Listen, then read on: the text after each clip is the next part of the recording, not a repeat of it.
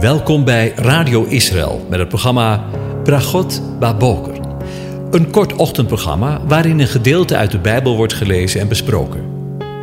Met Bragot Baboker wensen onze luisteraars zegeningen in de ochtend. Presentator is Kees van de Vlist.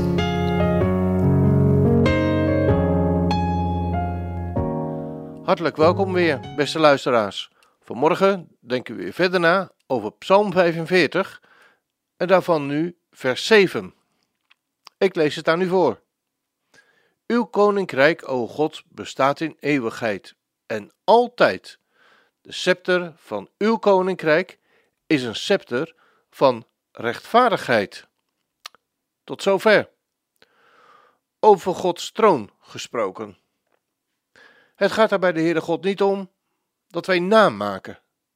Jezus heeft het vaak tegen zijn discipelen gezegd dat zij hun trots naar zich neer moeten leggen. Zijn we ons bewust dat hij zegt: laat de kinderen tot mij komen? Wij proberen ons vaak op te poetsen, ons beter voor te doen, bij God en de mensen in een goed blaadje te komen. Maar de Heere God vraagt het allemaal niet van ons. We zijn bij Hem welkom zoals we zijn, als een kind, zonder overwegingen, zonder bijbedoelingen, zonder opsmuk, gewoon, eerlijk en oprecht. Alle ballast eraf.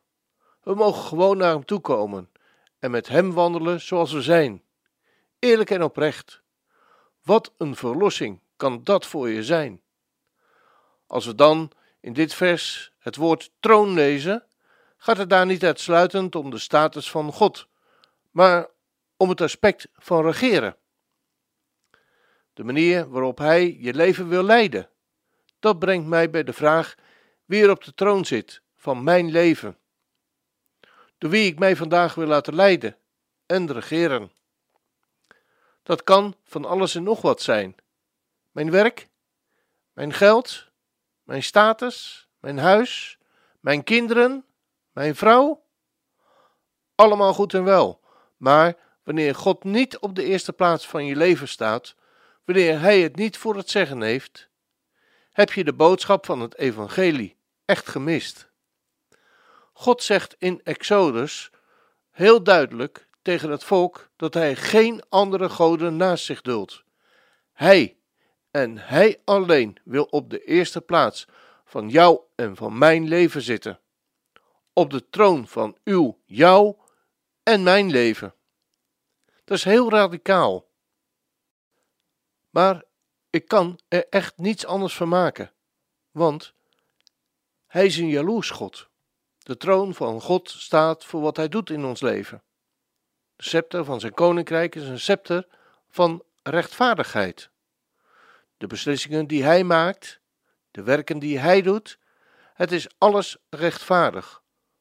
God is niet bezig om zichzelf een status te geven waarin hij de God is en wij hem slaaf moeten dienen. God zit op zijn troon om ons lief te hebben, om ons te leiden als een koning. Maar er is sprake van een nog heel andere laag in deze psalm.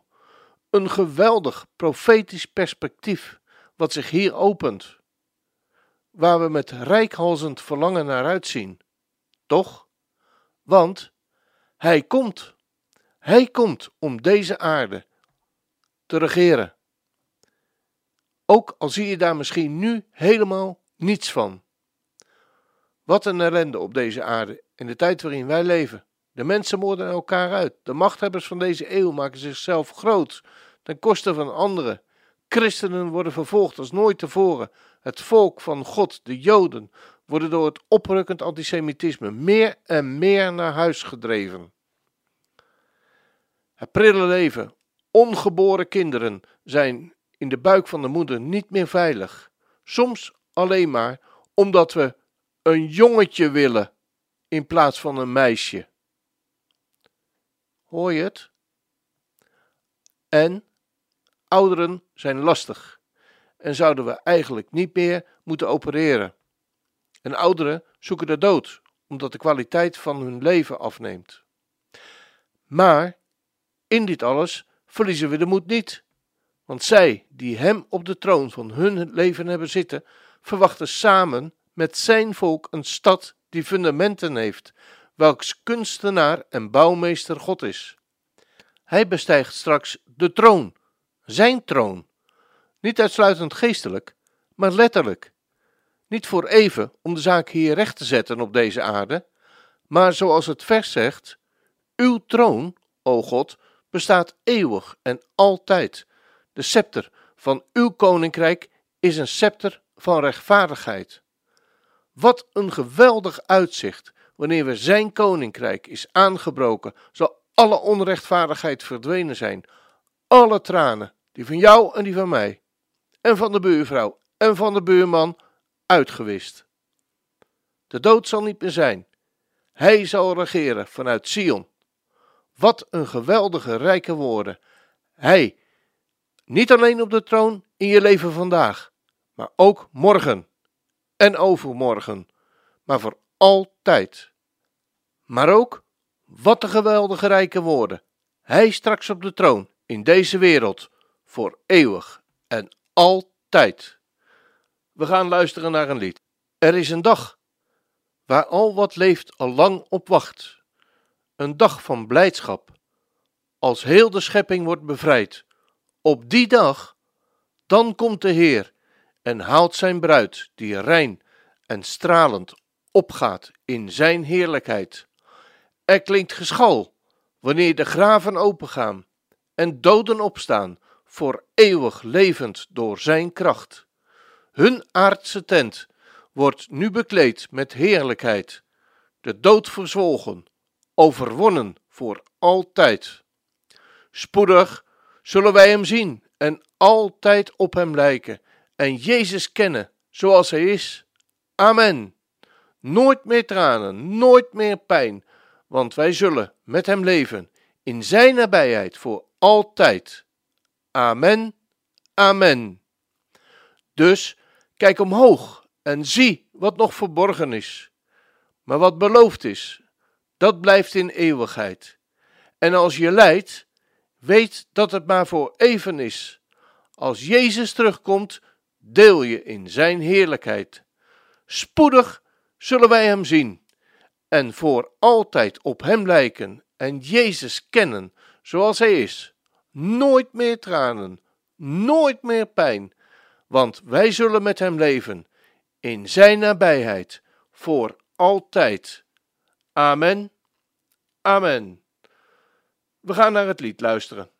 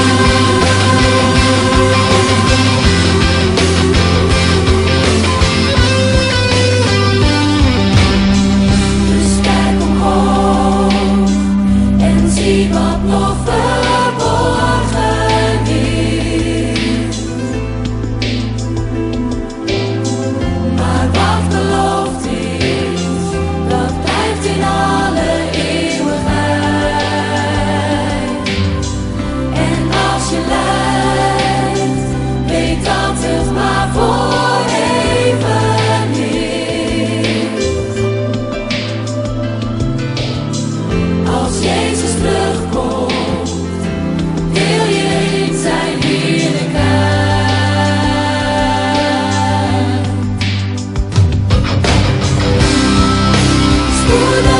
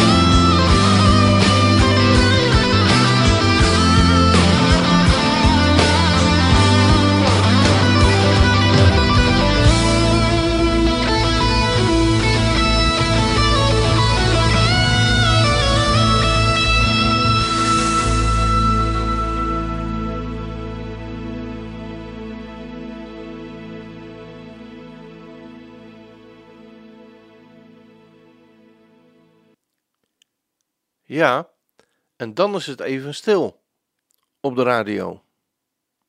Wat een geweldige boodschap. Daar kun je toch eigenlijk niet bij dat wij Hem spoedig zullen zien en voor altijd op Hem lijken en Jezus kennen zoals Hij is en nooit meer tranen, nooit meer pijn, want wij zullen bij Hem leven in Zijn nabijheid voor altijd. Wat een geweldig vooruitzicht. Ook voor vandaag. Ik wens je een van God gezegende dag toe.